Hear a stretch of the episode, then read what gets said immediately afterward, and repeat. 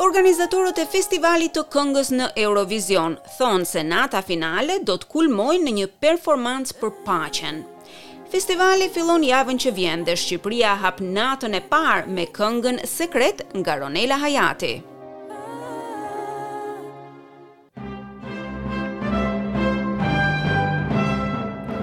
Gjashtëmbëdhjetë vitet e Eurovisionit na kanë sjellë momente të papritura, por edhe të bukura. Kush mund t'i harrojë gjyshet me bukë në duar apo gjelat irlandezë? Megjithatë, ky vit ka marrë një ton më serioz falë pushtimit të Ukrainës. Pasi thanë fillimisht se Rusia mund të konkuronte në konkursin e këtij viti, sepse Eurovizioni është apolitik, organizatorët morën vendimin e kundërt dhe thanë se Rusia nuk merr më pjesë në këtë edicion të festivalit. Claudio Fasulo, producent ekzekutiv i konkursit, thotë se paqja do të jetë tema kryesore e edicionit të këtij viti. Come sapete, Eh, l'Eurovision Song Contest è una manifestazione di intrattenimento. Siç e dini tashmë, Eurovisioni është një ngjarje jo politike. Ai ka për qëllim argëtimin, bashkon kombet, feston larminë muzikore. Natyrisht, paqja do të jetë tema kryesore e të treja mbrëmjeve. Në këto linja, Mund t'ju jap një lajm shumë të vogël. Nata jonë e fundit do të hapet me një performancë muzikore të karakterizuar nga një pjesëmarrje e gjerë. Jemi të sigurt se ajo do të na sjellë emocione të mëdha, sepse do të flasë për paqen, rëndësinë e saj të cilën e vlerësojnë të gjithë, duke futur këtu edhe hyrjen në Eurovision.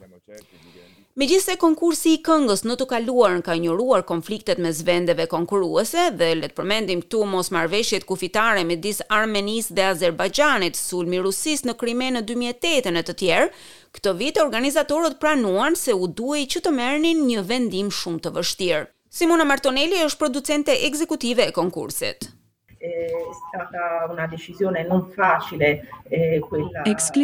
Përjashtimi i Rusisë nga konkursi nuk ishte një vendim i lehtë për t'u marrë. Ai u mor nga grupi i referencës së Eurovisionit dhe më pas edhe nga bordi ekzekutiv i tij. Ne do të përpiqemi të theksojmë vlerat se pse ekziston kjo garë e bukur, e cila natyrisht është paqe dhe jo luftë. Dhe konkursi nuk do të përballet vetëm me krizat politike në Europë. Zonja Martonelli thotë se pandemia e Covid nëntëmbëdhjetë është akoma pjesë e sfidave të organizatorëve.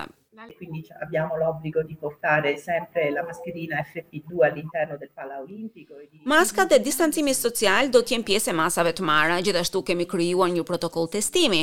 Planifikohet të bëjmë një mijë e dyqind teste të Covid në ditë dhe çdo shtatëdhjetë e dy orë për të gjithë.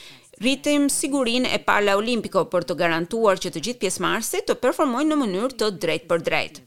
Sipas organizatorëve, në vitin dy mijë e njëzet e një, Eurovisioni u ndoq nga njëqind e tetëdhjetë e tre milionë persona në të gjithë botën. Një pretendent i fortë do të jetë hyrja e Ukrainës nga orkestra Kalush. Kënga e tyre Stefania është miratuar nga ukrainasit si një himn patriotik gjatë krizës aktuale. Ajo është përdorë si kolonë zanore për më shumë se njëqind e pesëdhjetë mijë video të mediave sociale në TikTok.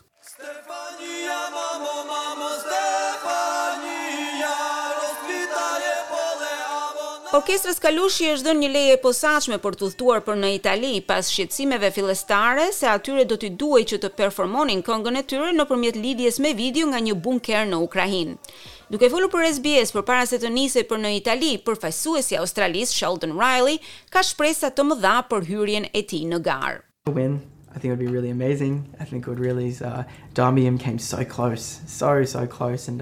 Dua të fitoj. Mendoj se do të ishte diçka e mrekullueshme. Mendoj se do të ishte me të vërtetë e bukur. Dami Im erdhi kaq afër fitores dhe dua të them gjithçka është e mundur. Do të presim, do të shohim, kam shpresa.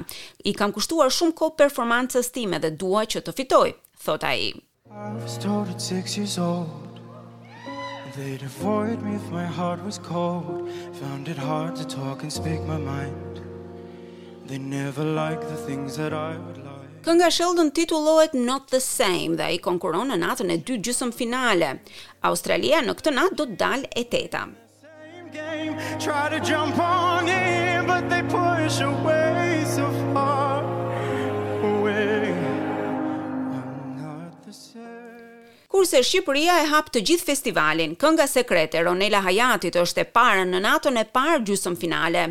Kënga ishte fituese në Festivalin e Këngës në Radio Televizion dhe u shoqërua me debate të shumta në lidhje me tekstin, muzikën dhe performancën në tërësi.